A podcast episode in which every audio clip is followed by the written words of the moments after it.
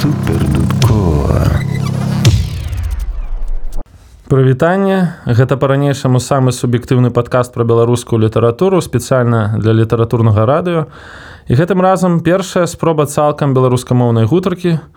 З майго боку так што калі вам будуць муляць нейкія памылкі ці трасянка ці занадта малы слоўнік калі ласка выбачайце. Сёння ў нас адразу тры госці. Паэтка авангардыстка джеці паэтка вера бурлак і літаратуразнаўца вера жыбуль прывітання Прывітанне.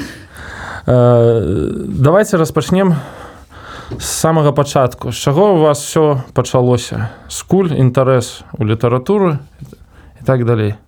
З дзяцінства, з ранняга. З ранняга дзяцінства вы чыталі шмат кніжак. Хутчэй не я не, не чытач пісьменнік з ранняга дзяцінства просто я нейкія тэксты прыдумляла моя мама нават іх за мною часам записывала Я думаю гэта была такая звычайная мова дзіцяці якая яшчэ ўнутранай не стала але як бы гэта была ўжо стаць.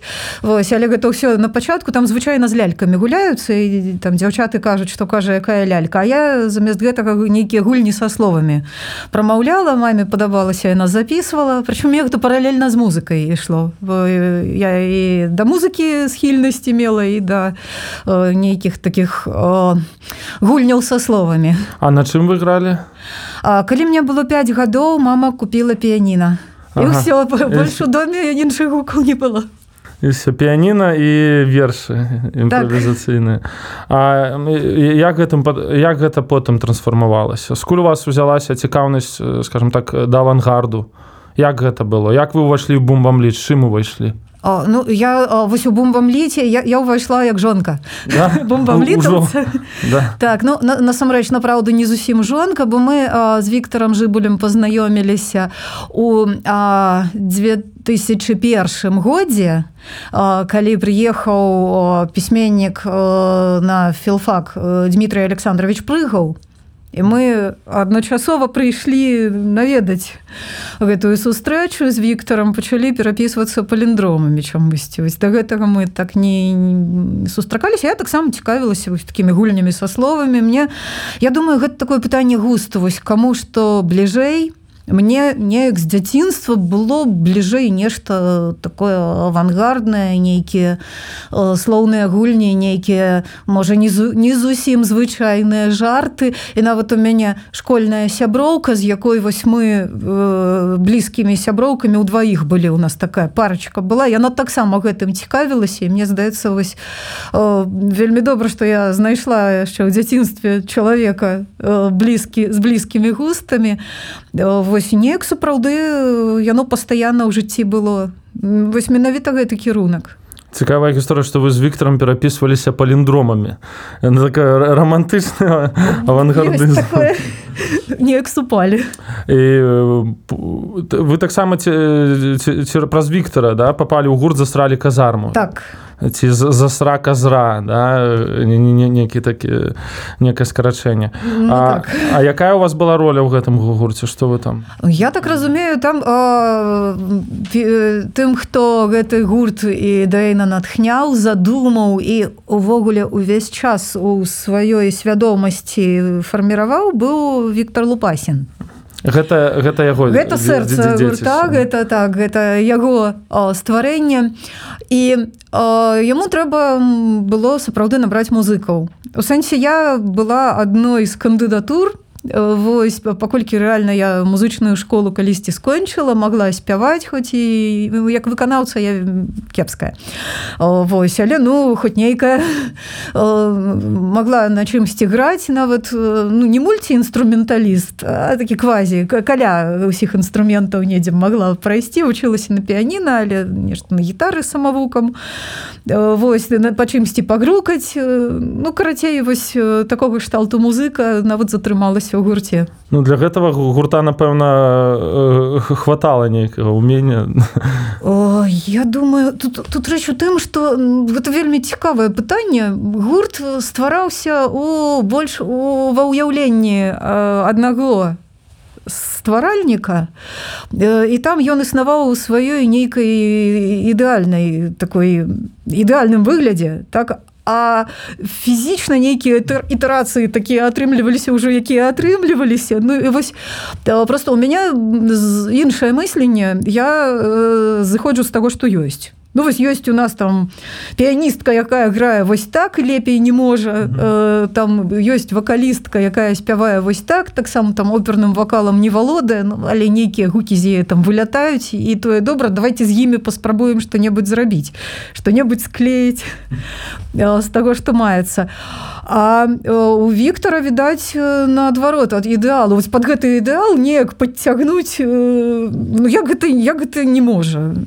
Ёсць жа ідэя ну, я не ведаю гэта маё ўяўленне гэтага працэсу насамрэч я так за Віктора рассказываю думаю что ён зусім інакш можа гэта бачыць ну вось у мяне гэта так нават по пасля таго як нейкі час прайшоў мне гэта бачыцца вось так. А тады мне сапраўды цікава было паўдзельнічаць у супольным музычным праекце. І цікава было парабіць нешта са свайго гледзяшча у сэнсе ну вось маецца ў мяне такі вакал ну прабачце іншага няма. А давайте паспрабуем што-небудзь зрабіць э, з ім вось так было прыкладна. Я чытаў нейкія рэпартажы уражанне ва ўсіх былі палярныя. Ці гэта там вау ну, нечакана не нейкі авангардысцкі перформанс ці там ніхто не умее граць просто там выйшлі пагрукалі як гэта было як вам здаецца Мне здаецца гэта было жудасна непрафесійна направўду гэта часам было такой амаль імправізацыі бо рэпетаваць таксама вось збірацца і напрыклад адпрацоўваць тэхнічныя нейкія моманты. Доўга доўга доўга пакуль у нас там якое-небудзь соло на гітары не будзе ідэальным. Ніхто не так не збіраўся. Мы збіраліся нешта рэпетавалі але э, вельмі такім мінімальным маштабе. Але там было шмат драйву там было шмат такога энтузіязму э, імпэ свету і я думаю гэта таксама не магло не адчувацца і по-другое там сапраўды такая кампанія таленавітых людзей збіралася з намі дарэчы былі і добрыя музыкі якія сапраўды маглі выканаць там любое ТЗ якое перад імі бы паставілі але вось праблема зноў-таки была з ТЗ Таму што так яго ж трэба канкрэтна фармуляваць і таксама любога хто працуе прафесійна ёсць свае шаблоны а нам трэба было не шаблонна нам трэба было рэальна нешта вось такое вось і ідэальнае з ідэальнага свету і вельмі арыгінальная ну вось атрымлівалася нейкая такая відаць прамежкавая стадыя я гурт такі вельмі патаемны я шукаў запісы і іх вельмі складана знайсці. Вы можете нешта параіць які-небудзь там один-два трекі? Я думаю нейкія гэтыя трекі яны вось такімі будуць. Гэта будуць такія накіды чагосьці. Ага. насамрэч гэта трэба відаць з добрай фантазіяй слухаць і з тэлепатычнымі здольнасцямі. Што было задумана каб зразумець бо якасць была на касетны дыктафон Прычым далёка не заўсёды ну, якія кітайскія цацкі вось што прадаваліся там шумы нейкія самога дыктафону у тым ліку там расслухаць што гучыць вельмі цяжка запісалі мы цэлы так званы альбом вальс пабітага шкла можна яго пашукаць калі ён недзе застаўся на нейкіх аблоках Мачыма нешта яшчэ ляжыць. Вось але гэта будзе вось гук сам, сама па сабе матэрыя. Гэта не тое што павінна быць Таму так это вось ну, гэта лоу-фай гэта... гэта very, very lowest. The lowest. The lowest.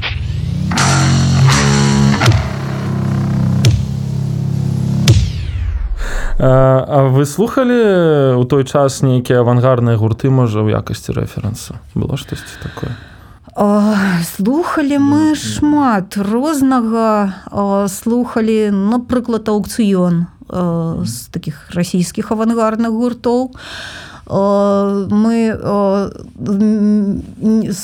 мелі такія творчыя кантакты з рознымі гуртамі і напрыклад вось быў такі цудоўны гурт рацыянальная дыета якія падсадзілі нас на Хенры Кау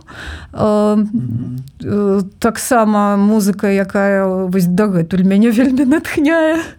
Вось у іх такі быў сумесны альбом з гуртом слэп хэппі Desperate Straits ну, вось з гэтага альбому пачалося але потым Хенрыка ўжо сама шукала.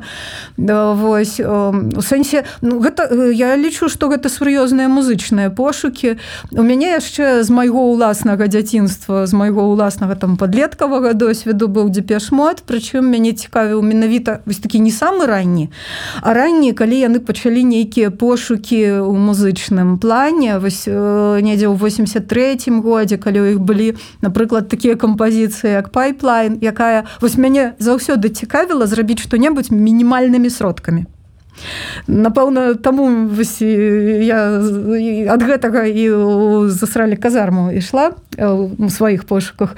У дзепешмот ёсць такая песня пайплайн там уся музыка зроблена з таго што яны вылі пачымсьці грукалі потым гэта запаволілі ў два разы. Вось гэта музычнае аздабленне но на адной ноце ідзе пунктамі там бымсь. Але запаволена ўдваён што Вось так. Ну і вакал на гэтым фоне. Ну, вось нешта такого кшталту мяне вабіць. Дякую цікава.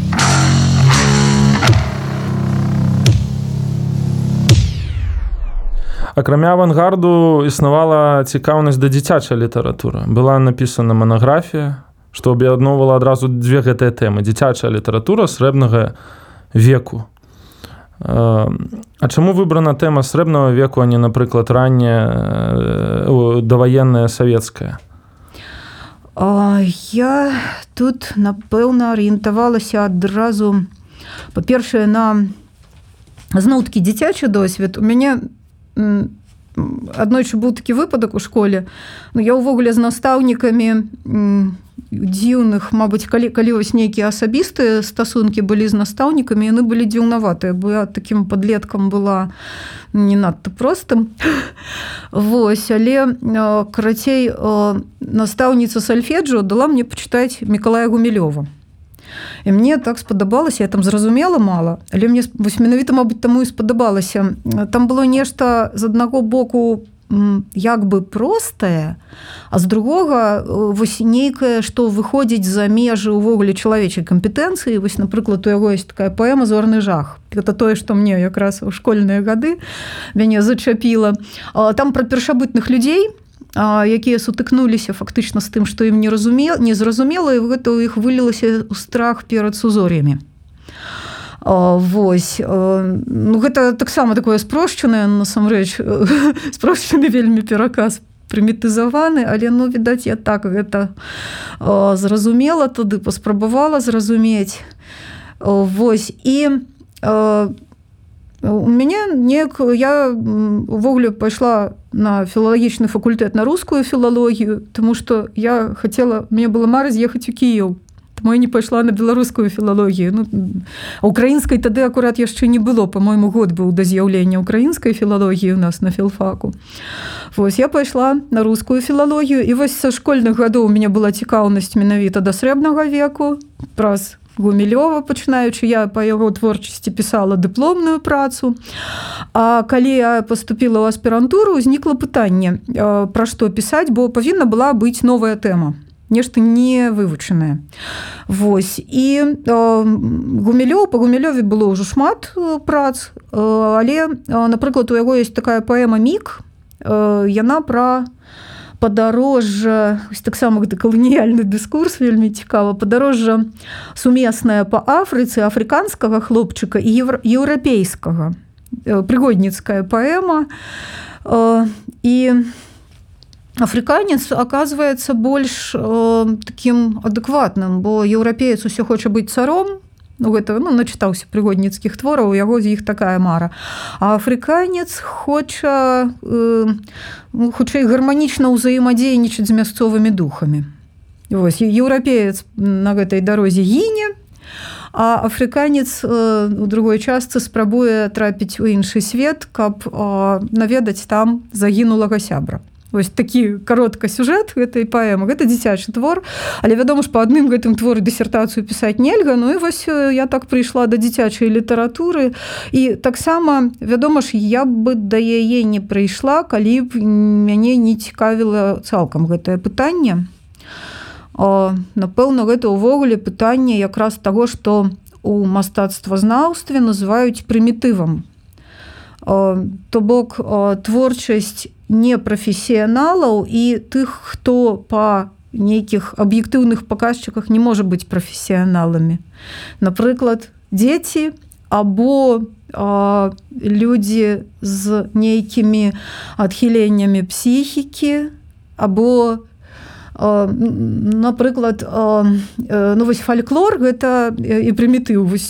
Цікавае пытанне тому что фальклор гэта калектыўная творчасць там ўсё ж такі ідзе такая шліфоўка тэксту не прафесіяналамі але шмат праз шмат шмат шмат вуснаў гэта праходзіць ён усё адно шліфуецца А вось індывідуальныя тэксты прадстаўнікоў ну, скажем так непрафесійных літаратараў і з невысокай адукацыяй таксама ў гэты прымітыў будзе тое самае тычыцца дарэчы не толькі тэкстаў але скажем так тэкстаў розных відаў мастацтва і малявання і музычнай і іншай творчасці вось цяпер і відэа дарэчы то Ну вось гэта вось гэтая цікаўнасць да дзіцячай літаратуры думаю таксама вяла. Ці займаецеся вы зараз нейкімі літаратуразнаўчымі даследаваннямі? Я зараз нічога навуковага не пішу.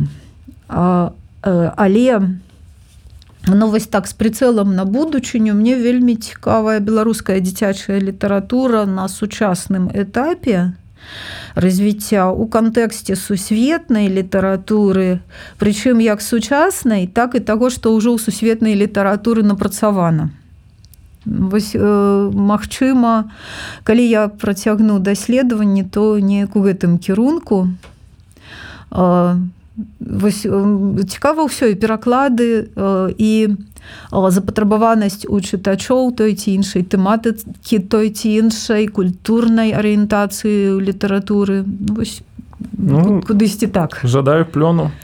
Дякуй скажитеце якое паходжанне псевданіма джеці О гэта гэта з майго ж твора. У нас быў такі студэнцкі тэкст студэнцкія гады проект такі быў 5 дзяўчат вырашылі напісаць роман про старажытную Грецыю але мяне тады больш цікавіў старажытны егіпет ну вось гэты джеці гэты персонаж са старажытнага Егіпту які трапіў у старажытную Грецыю ну хочаце пра Грецыю ну, давайте але у мне там такі вось будзе персонаж. Вось гэта штучнае слово якое утворана ад кораня які ну, вось гэтая фанетычная джета галосных не было але вось гэта язычнае спалучэнне язычных. Яно суадносіцца як мінімум з двума сэнсамі. Гэта па-першае плоть мяса по-другое вечнасць насамрэч яны з рознымі дэтэрмінатывамі пісаліся Я думаю што маглі быць нават розныя галосныя у сэнсе гэта у егіпцян маглі быць абсалютна розныя словы. Але значкі фанетычныя будуць адны і тыя ж. Вось ну мне спадабалася такое спалучэнне гэта вельмі сугучна са словом дзеці так сапраўды. Вы верыце ў цуды цікава увогуле я агностык я не магу іх адмаўляць але я думаю што гэтыя суды неяк тлумачацца. Просто магчыма мы яшчэ не ведаем шляху гэтых тлумачэнняў я э, вычытаў недзе такі выраз той хто верыць у цуды той рэаліст вот джеці для мяне заўсёды была сінонімам слова цуд у беларускай літаратуры быццам вы взяли на сябе адказнасць за нейкі такі э, цуд у нашай літаратурнай прасторы адчуваеце нешта такое? А у нас нават был тэатральны проект цуд ну вось ён так называўся гэта была абрэвіатура зараз якой жа драмы? у каб, каб я ведала што трэба будзе ўзгадаць я бы паглядзела нават. Просто зараз баюся а, даць неправільную расшыфроўку цэнтр якой э, драмы. Удасканаленай неўдасканаленай якой жа ён мог быць. Крацей яно расшыфроўвалася вядома ж трохі іранічна вось і для нас калі мы знаходзілі назву шукалі назву і знайшлі вось гэты цуд ўсё ж таки менавіта цуд тэатр цуд было галоўным значэнне цуду а не таго як гэта можна расшыфраваць. Расшыфравалі мы ўжо постфактум ну, каб нешта нешта дадаць нейкія сэнсы дадаць. Вы рабілі выпускалі рукапісны часопіс сельскае кладбіще націск на і потым часопіс пераўтварыўся ў вясковыя могілкі так. Так а, з чаго складаўся гэты часопіс? Я чытаў що ён быў рукапісны ўвогуле так гэта такі быў сам выдат студэнцкі на філфаку зноў такі. Ну нас там вось такая кампанія творчых дзяўчат сабралася. Думка у мяне яшчэ са школы была такая думка Праўда гэта нават не я рабіла аднакласніцы у школе сталі выдаваць часопіс квадратны шарик у сэнсе гэта быў першапачаткова нават не мой проект але мне гэтая ідэя вельмі спадабалася. Мы таксама мы былі яго аднымі з першых чытачоў нам перадалі на уроку дзяўчаткі нам сяброўкай мы пачыталі там было апавяданне аверчынкі по-мойму замак на песке Вось мы яго прачыталі нам спадабалася. Вось пачалі нейкія свае творы туды прапаноўваць. Ну вядома ж калі ў студэнцтве таксама не ў мяне у кагосьці з наших аднакурсніц узнікла такая задума. Я далучылася з радасцю Вось я памятаю што назву мы выбіралі разам назву вядома ж цытата з жукоўскага а жукоўскі зараз зноў дрэнная памяць на імёны. Ён же пераклаў ангельца. Гэтае сельскае кладбіще вось адсюль націск бо гэта ўсё ж таки 18 конец 18 пачатак 19 стагоддзя. Нормы гэтыя асабліва ў літаратуры трохі іншымі былі. і у літаратурнай мове. А што ж гэта было? Ой забылася я. Хаця э, сорам мне што забылася прыйду пагляджу хто аўтар арыгінальнага верша я ведала. Вось карацей гэта элегія была такая для романтызму вельмі характэрная разважанні на могілках пра жыццё пра тое што сапраўднае шчасце чакае нас на тым свеце а на гэтым усё недасканалае але ну што рабіць і там і няшчаснае каханне там трэба перажыць так вось. І ўсё марна але вось на тым свеце будзе нейкі ідэальны варыянт жыцця. Вось і ну вось потым гэтую назву мы по я, я, я вельмі за яе была і рада што мы яе выбралі Вось я была яшчэ одна назва. Вось дарэчы назвы такога кшталту часто бяруцца для зборнікаў калі гэта бывае нешта кшталту агульнага пахавання так? Калі твор выдаецца пакуль твор не выдадзены ён яшчэ можа расці змяняцца ён як жывая істота. У яго біяграфія яшчэ можа дадавацца. Калі ён выдадзены вось ён кананічны тэкст вось вось яно над магілле. Такое разуменне ў прынцыпе выдадзенага тэксту яно ёсць і іронію выклікае з іншага боку вось ён выдадзены тэкст гэта дасягнення для аўтара для мяне гэта хутчэй над магілле таму назва такая по-мойму добрая. Вось а потым просто мы з Віктором жыбулем пазнаёміліся у нас шмат з'явілася беларускіх тэкстаў беларускамоўных і дарэчы нават з філфаку дзяўчаты штосьці беларускамоўныя давалі я пачала пісаць по-беларуску Ну і мы вырашылі яго по-беларуску і назваць. Вось узгаднілі ў прынцыпе гэтае пытанне з філфакаўскім беларускімі дзяўчатамі яны быццам бы не былі супраць ну, вось такая новая новы віток у жыцці гэтага часопіса быў вы рабілі яго ад рукі так? Гэта было прынцыпова які быў наклад? О, ну, мы рабілі ксеракопіі ну, до 20 так першы макет рабілі мы ад рукі там усё склейвалася скотчам бо клей ён жа гэтыя старонкі згінае яны потым адксэряцца дрэнна Вось а мы акуратненько скотчем каб не забрудзіўся там маленькімі палосачкамі приляплялі малюначки упісвалі ад рукі тэксты вельмі старанна. Вось яшчэ таксама ну гэта вось была такая тэндэнцыя захавання аўтарскай індывідуальнасці. Дарэчы таксама авангардыстаў гэта ёсць. Захавання аўтарскай індывідуальнасці праз рукапіснасць тэксту. Я не ведаю хто першым Мачыма кручу кручоных кручоных. Ну іх былі так вось гэтыя кручоных хлебнікаў разам калі да, выдавалі да. свае гэтыя зборнічкі друкі ну, Мабыць футурысты сярод першых але ў прынцыпе вось гэтыя вось маляваныя вершы у італьянскіх футурыстаў таксама ж былі менавіта рукатворныя рукачынныя нейкія і у гэты вось так авангардны падыход мне таксама падабаўся калі менавіта выгляд тэксту прычым не друкаваны не стандартызаваны а вось такі як ён з-пад рукі нават без мастацкага грунту нейкага з-пад рукі таго хто піша ён выходзіць. Мне гэта ідэя вельмі падабалася.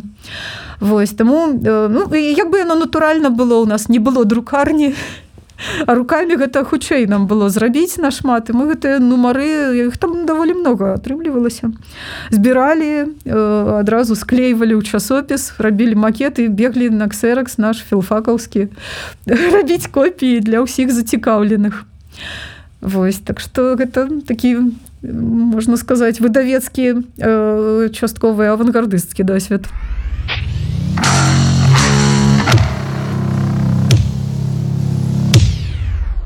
Вось э, прайшла вясна, калі паўсюль шчыравалі пелі птушкі. Я падумаў, што мастак як птушка яму дадзены апарат, каб выводзіць рулады, ён стараецца і так і гэтак.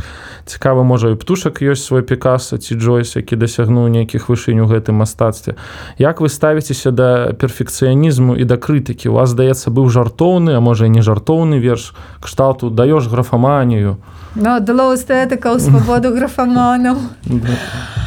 Я увогуле я вельмі акуратна стаўлюся да графаманаў у сэнсе вось тых каго так ну называюць. Просто я вельмі паважаю любое творчае памкненне нават калі здольнасцяў асаблівых да вырабу нейкага арыгінальнага прадукту адкрыцця якое вось чытаць чытаю і кажа я адкрыў там для сябе нешта новае вось не бывае чалавек нешта напісаў э, нічога новага яно літаратуры там чалавецтву не дае гэта стандартнае там віншаванне са святам але ён яму радасна ад само ад самого факту того что ён нешта напісаў. Гэты акт творчасці ён ён гэта зрабіў ён яго гэтыя радкі нарадзіліся гэта яго дзіця ну якое б яно не было я вельмі да гэтага гэтага так стаўлюся з павагай я дарэчы ніколі не для мяне вось я для сябе поставила табу не крытыкаваць такія творы вось ёсць абмеркаванне калі людзі якія не займаюцца прафесійнай літаратурнай творчасцю дзеляцца паміж сабой абмяркоўваюць творы якія ну з майго там філалагічнага гледзяшча ну, графаманскія можна сказаць так яны вельмі стандартныя яны паўтараюць нейкія штампы. Але тым хто іх піша падабаецца гэты працэс творчасці. І вось мне тут каштоўная менавіта іх скажем так вылет у творчую прастору. Яны там бываюць. Ну якая розніца якія яны адтуль приносяць перлы? Ну якія могуць такія прыносяць. Але каштоўна сама як каштоўная сама гэтая сітуацыя восьось але з іншага боку так ёсць сапраўды нейкая відаць нейкія розныя абсягі літаратурнай творчасці так ёсць той, той прадукт творчы скажем так які бытуе у адной сферы вось у гэтай непрафесійнай і там ёсць у яго свае прыхільнікі там свае чытачы ёсць вось ты хто гэта ацэніць ты каму гэта падабаюцца падабаецца але напрыклад такія вершы не возьме ніводная сур'ёзная паэтычная анталогія і зразумела чаму вось таму што сапраўды там ім не хапае арыгінальнасці у іх могуць быць нейкія граматычныя памылкі з якімі такія аўтары часта з заўвагамі з гэтай нагоды вельмі не пагаджаюцца так яны да рэдактуры ставяцца часта вельмі так непрыхільна А там сапраўды бывае і калі адрэдагаваць там нічога не застаецца твору тут сапраўды сам факт того что чалавек далучыўся спрычыніўся гэта добра але твор нідзе сур'ёзным нейкім кантэксце надрукаваць не атрымаецца Вось і сапраўды вось гэтая літаратурная творчасць элітарная атрымліваецца гэта іншая сфера Ну, гэта я умоўна кажу элітарная тому что таксама ёсць масавая літаратура якая робіцца прафесійна ёсць элітарная літаратура але я тут маю на увазе вось менавіта ну, скажем так прафесійную і непрафесійную сферу. Прафесійная яна ўжо будзе нейкая эліта хоць у ёй таксама элітарная і масавая зноў-кі груба будзе вылучацца Вось і ну, я лічу што кожны мае права мець сваю сферу дзе ён стварае ну так як ён можа. А вось у гэтай такой уже больш прафесійнай сферы дзе пишутць нешта літаратары вось тут таксама тут тут уже будзе да месца рэдагавання тут будуць да месца Мабыць нейкія заўвагі будуць да месца спрэчкі пра межы свабоды творчасці Вось і вось у мяне яшчэ рана у ну, юнацкіх нейкіх твораў паўстала гэтае пытанне. Па-першае ці варта быць перфекцыяністам? Па-першае таму што паўстае пытанне а што ёсць дасканаласць? Гэта нейкая тэхнічная дасканаласць калі ўсё напісана напрыклад вельмі пісьменна ці гэта нейкая дасканаласць напрыклад такая что верш выводзіць адразу на нейкія вяршыні духу іх нешта такое напісана что ты адразу там бачыш гэты вершы кудысьці вылетаеш у астрал і, і ні за што по дарозе не чапляешся незаводна за ніводную там лішнюю коску. а і што тады рабіць напрыклад з жанрам фрагменту у якім будуць знарок нейкія прыземленыя даволі такія зацемкі пра нейкія вельмі не вось не не скажем так не такія пампезныя не такія высокія матэрыі яны калі сам жанр патрабуе нават недасканаласці тэхнічнай твору так нешта нешта там на на сурвэцы запісанае так калі гэта рысы гэтага жанру. Вось вот што ёсць дасканаласцю гэта першае. Другое ці не ёсць недасканаласць таксама шляхам по якім можа ісці пошук Вось наўмысна схадзіць у недасканаласць наўмысна не імкнуцца да дасканаласці каб знайсці нешта новае і цікавае. Ну гэта справа густу Мачыма Вось так пытанне густу таксама ж узнікае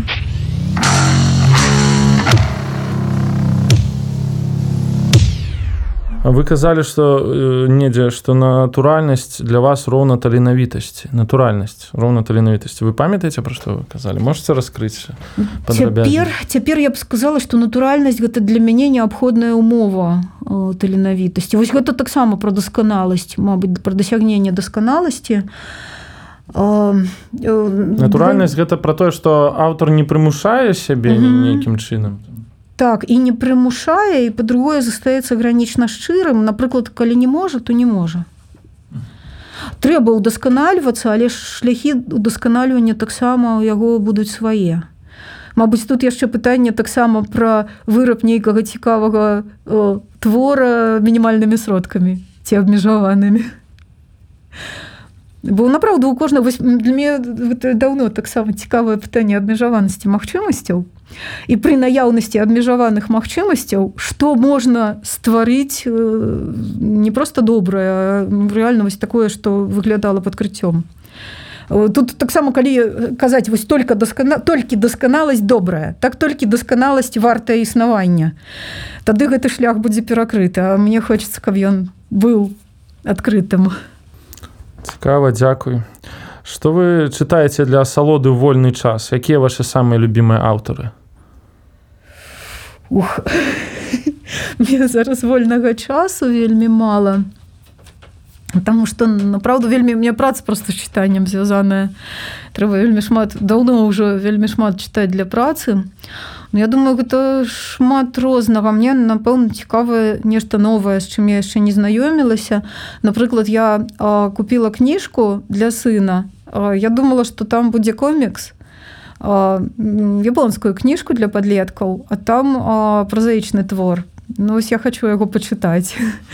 Вось нешта ну, нешта вось сапраўды новае открываць для сябе вельмі цікава незнаёмае не, не вось цяпер бы я шукала менавіта ў гэтай галіне штосьці з чым я яшчэ не судакраналася але дзе можа быць нешта для мяне цікавае ну, вось гэта, гэта рэальны мой пункт першы на вольны час. Як толькі вольны час з'явіцца вось гэтая кніжка. А Вось на чым можна адпачыць было б Я вось не ведаю, у меня ўсё сапраўды будзе з даследаваннямі там дзіцячая літаратура трэба пачытаць што напісалі але гэта ж таксама новае і патэнцыйна малазнаёмыя нейкія цікавыя творы якіх будуць адкрыцці. Мне падабаецца жанр ghost stories твораў пра прыведаў пра кантакты з прывідамі пра таямнічыя нейкія якія ў гэтым жанры самыя цікавыя пісьменнікі?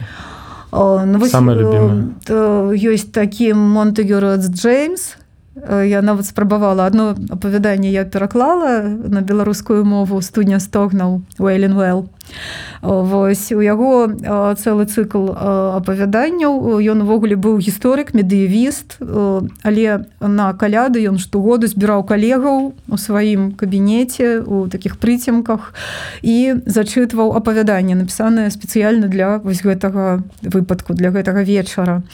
І у яго набралося каля под 30 таких апавяданняў Вось я, я такое чытаю для задавальнення Элджерна на блэквуда чыталі не. не? Гэта просто у свеце не адкры ну гэта такі аўтар які пісаў у жанры жахаў таксама ну просто мой Дякую я пачытаю ну ім натхняўся лавкрафт напрыклад ну гэта вельмі ну, лавкрафта я чытала у беларускім перакладзе вельмі радая што выйшаў зборнік ну ну блэквуд яшчэ лепшы за лавкрафта я так мой любимы авангардны бок гумару ці гумарыстычны бок авангарду не ведаю. Калі бумбамліт паміраў там з'явілася суполка шмерцверк такога радыкальна авангардысцкага кшталту. А вы засталіся мне здаецца на баку іранічнага не ведаю як назваць постканцэптуалізму такога. Брак казаў пікаса аднойчы мы смеемся не над табой мы смеемся разам з табой харм сказаў што добры жарт гэта не такі над якім смеецца ўвесь зал над якім смеецца хтосьці адзін Ось, вы хацелі каб ваши кніжкі былі смешныя? Ці вы просто пісалі твор а так атрымлівалася? Я хочу я ўвогуле сваё жыццё камедыю ўспрымаю ну камедыі ж розныя камедыі жахаў бываюць і там драматычныя ну вось я але найперш это заўсёды будзе камедыя і Мабыць я разумею толькі той гумар які мае нейкае дачыненне да зруху авангардысцкага кшталту. Ну, гумар ён жа заўсёды будуецца на нейкай неадпаведнасці на нейкім сэнсавым зруху. Але мне падабаецца чым мне здаецца авангардны гумар спецыфічны гэта зруху нейкі нечаканы бок.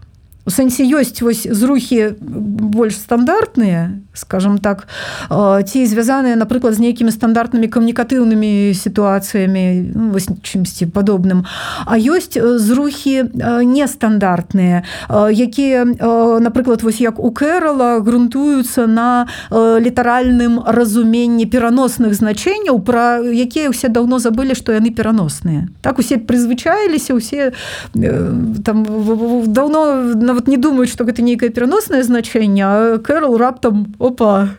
Вось гэта чытача ставіць тварам у твар да гэтага. А, а можна ж гэта зразумець літаральна.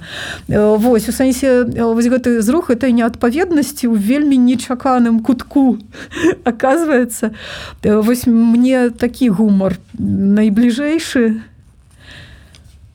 Ну, сваёй творчасці я, я імкнуся да таго, каб гэты зрух адбываўся, каб не, вось не захраснуць у нейкіх стэеатыпных сітуацыях. Мае адкрыцці ў гэтай галіне найбольш па-мойму. Вось вы упомянулі Кэрала, вы перакладалі другую частку Алісы. І раскажыце, калі ласка, я чуў пра ваше перакладніцкае хуліганство, вы зміксавалі купалу і кэрала да? Дзесь расскажыце што гэта было. Гэта ой наша ніву міксавала прычым. І на нашу ніву? Так гэта ганцы гэта спасылка адсылка да нашай нівы там кніжка з рысункамі так вось гэтыя ганцы якія там была насамрэч кніга з якой іранізаваў кэрал была вялізная у інтэлігенцыі у той час была вялізная цікаўнасць да глыбокіх гістарычных каранёў на нацыянальных рэгіянальных розных з'яваў у сучаснасці восьось выходзілі кнігі якімі ўсе зачытваліся напрыклад вось выявы там форм роз форменнага адзення розных там вайскоўцаў так розных рэгіёнаў розных гістарычных эпох. Вось. І на іх акурат вось гэтыя позы дзіўныя якія прымалі ганцы караля у кэрала гэта якраз адсылка да поз у якіх маляваліся ну, вось гэтыя людзі ў гістарычным адзенні ў гэтых кнігах так вось кэрал яны дзіўны у дзіўных позах чамусьці былі. Ну відаць таму што старажытныя гэта ж нельга як сучасных маляваць. У старажытнасці неяк інакш стаялі так? Вось гэтыя паставы. Значится вось гэтыя малюнкі з гэтай кнігі вось кэрал ну, лічыў даволі забаўнымі. Вось а мне скажу падказаная падказаны быў гэты ход Андреем хадановичам Вось я з радасцю за гэта ўчапілася. Адсылка да нашай нівы таксама старажытны для сучасных беларусаў. Дарэчы, не для беларусаў, напрыклад, пачатку два стагоддзя рэальнае хуліганство бо анахранізм атрымліваецца. У 19 стагоддзе гэтага ўвогуле не было, але для, сучаснікаў гэта будзе цылкай акурат да пачатковага перыяду аднаго з пачатковых нават, бо ў нас іх шмат перыядаў беларускай культуры наша ніва канцы з рисункамі так вось з рисункаў наша ніва газета з рисункамі Вось дакупалы Ой там у вершаваных перакладах ёсць асылкі да беларускага кантэксту безумоўна гэта мой свядомы быў выбор тому что мне вельмі прынцыпе блізкім быў падыход тых перакладчыкаў якія перакладалі не літаральна а якія вырашылі ну перадаць не літару а дух А гэта магчыма толькі выкарыстоўваючы сродкі беларускай мовы умоўных гульняў і адсылкі да нейкіх культурных рэалій. Ну, там дзе там дзе гэта не будзе занадта груба але гэта зноў-таки ўжо пытанне густу да беларускіх рэалій у нейкіх культурных кантэкстах. Кэрал жартаваў і мы жартуем.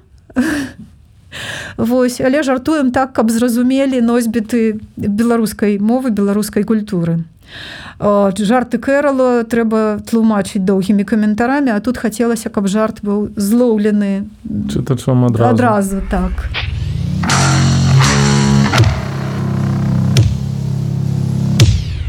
Манаграфію вы спасылаецеся на жуля гацье які называў выхаванне ўнушэннем ілюзіі казаў аб адсутнасці ў старэйшых права выхоўваць малодшае пакаленне Таму у ваших дзіцячых вершах няма ніякага выхавання да адное толькі радасць.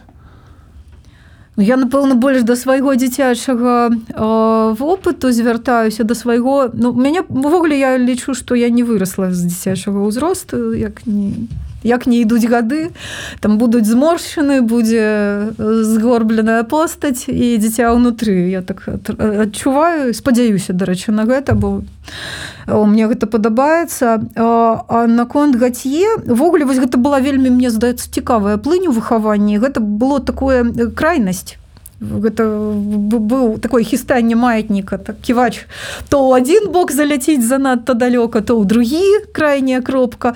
Гэта была адна з таких кропак калі выхаванне ад суцэльнага такого заціскання что дзіця гэта табуля раса что на ёй намалюеш то тым яно і будзе і трэба на ёй намаляваць тое что нам дарослым патрэбна вось самому дзіцяці ніякой як асобе свабоды не застаецца. Это одна крайнасці другая гэта вось гэта наадварот у максімальна захоўваць аберагаць асобу дзіцяці і не ўздзейнічаць на яго ніяк. Хай яно расце са сваіх ресурсаў Ну калі калі браць э, вось пытанне то тая ці гэтыя крайнія кропкі мне бліжэй? Мне бліжэй вядома ж свабода. Вось не хаваю што прозу люблю болей за вершы калі я пісаў апавяданні некаторыя з іх былі напісаны са сноў ці сны такія прыходзілі адразу гатовыя апавяданні. Не ведаю наколькі сумленна карыстаць сны ў прозе але было. І вось такое пытанне. Творы соннага жанру. Як нараджаліся? Гэта ўсё сны не ўсё не ўсё але, але, але ёсць, ёсць, ёсць. напрыклад ёсць апавяданне анёл якое амаль цалкам э, запіс сну ёсць апавяданне тыгр гэта сон. гэта сны. Так гэта вось гэта ну, з мінімальнай такой апрацоўкай эстэтычнай запісаныя сны. Але ёсць і не сны. Ёсць апавяданні з іншых крыніц. Напрыклад язменчыны калядкі гэта такая частачка аскепак сусвету які быў прыдуманы. Там было шмат персонажаў і яны мусілі Мабыць у асобіцца яшчэ ў шэрагу сюжэтаў але ну вось адзін толькі твор атрымаўся. Увогуле я я напэўна сваю творчасць суадношу са снамі. Вось калі фройда узгадаць яго тэорыю тлумачэння сноў у яго ж ёсць гэта кніжка цэлая калі наша падсвядомасць наша несвядомая частка нам выдае нейкія вобразы у якіх насамрэч яна працуе над тым самым матэрыялам над якім працуе свядомасць але працуе інакш Вось то я думаю творчасць у маім разуменні сны яны роднасныя. Гэта так гэта нейкі вы, выключыць штампы схемы выключыць найпрасцейшыя шляхі якімі ідзе розум калі спрабуе вырашыць нейкія праблемы і прыйдзе нешта цікавейшае. Вось мабыць у гэтым плане з сноў бадаюся моя творчасць. Ну просто гэта будзе уже будуць дзённыя сны чырвоны шарык які немагчыма дастаць нейкія таёмныя суседзі зверху якія ўсё на свеце ведаюць тыгр які ўсіх тэрарызуе якога ніхто не бачыў. Невядомая алергія на жыццё ці схаваная дзеўка якая ўсіх лупіць малаткамі па галовах. Усе творы соннага жанру злучае нейкая ірацыянальнасць нешта няўлоўнае іншасветнае. Ёсць у іх нешта хармсаўскае. Мне вось падалося што для гэтага жанру існуе значэнне ў западнай літаратуры патафізіка. Яго прыдумаў абсурдыст альфред жары. Патафізіка гэта ўсё што не ўваходзіць у фізіку ці метафізіку. Гэта такая парадыйная наука гумарыстычная. То бок своеасаблівая фізіка нерэалістычных твораў мастацтва неяк так. Вось гэта цікавы жанр у ім працавалі напрыклад там барыс віян флен брайан вось э, ваши творы з імі нешта лучыць. У меня такое пытанне. Вы з Віктором жыбулем раслі разам як творца ці быў уплыў э, мужа на вас ці наадварот? Ці існуе зараз? Ну, я думаю уплыў ёсць. Прычым вось калі казаць пра патафізіку гэта рэальна тое што мне арганічна блізка.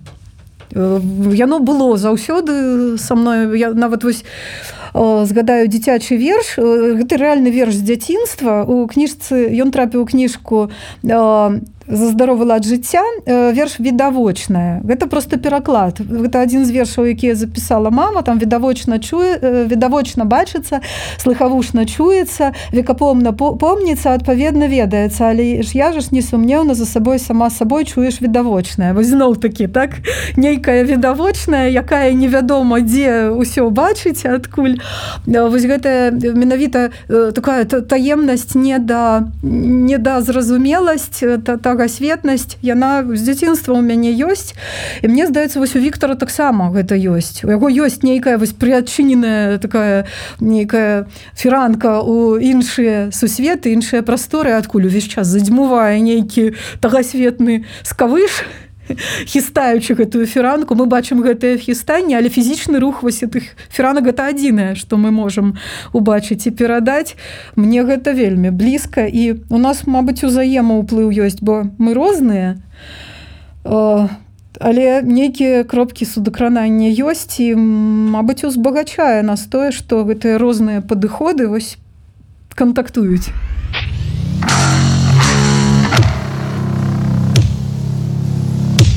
Віктор э, недзе прагаварыўся, што вы працуеце над раманам. Для мяне гэта цудоўная навіна, бо гэта мой любімы жанр літаратуры. Можаце сказаць, што гэта будзе? А, я направўду пішу я вось не ведаю ці дапішу ці не атрымаецца тое самае што з зменшанымі каляткамі там ёсць некалькі кавалкаў якія можна дастаць з гэтага файлу яны будуць асобнымі апавяданнямі вось таго што ўжо напісана але я хочу... зборнік апавяданняў будзе не выключаю. Але я хочу дапісаць гэты твор я дагэтуль гэтага хачу гэта для мяне важна Вось я э, хочу тут пагутарыць трохі пра героя.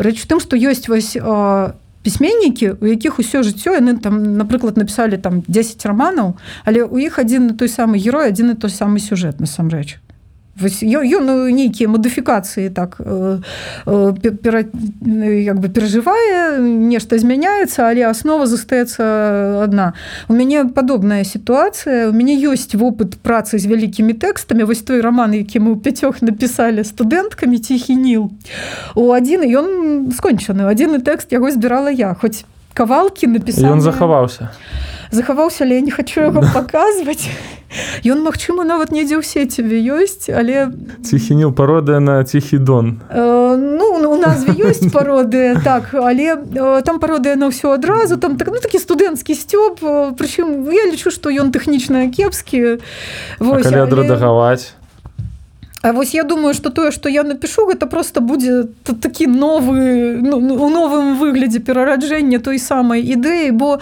у мяне там гэты вось персонаж які трапляю абсалютна чужую культуру не валодаючы мовай гэтай культуры ён я там вывучае у працэсе які ўсё разумее по-свойму і пастаянна сутыкаецца з сітуацыямі дзе ён нешта разумее не так трапляе вось у гэтай сітуацыі там блытаніны нейкіх квіпрокво Вось і персонаж, які прыходзіць абсалютна не, не да тых высноваў, да якіх прыходзяць усе у тым грамадстве.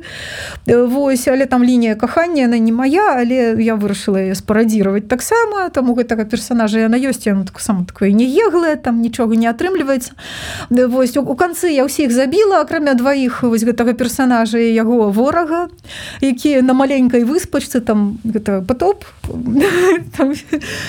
сядзяць і думаеце што ж цяпер будзе Вось карацей вось гэты тып персонажу які абсалютна з іншай свядомасцю з іншымі нейкімі мэтамі увогуле у яго ўсё абсалютна іншае. Ён у мяне ў гэтым творы таксама ёсць. Ён тут у мяне праўда увогуле не чалавек ну, до гэтага ўсё ішло.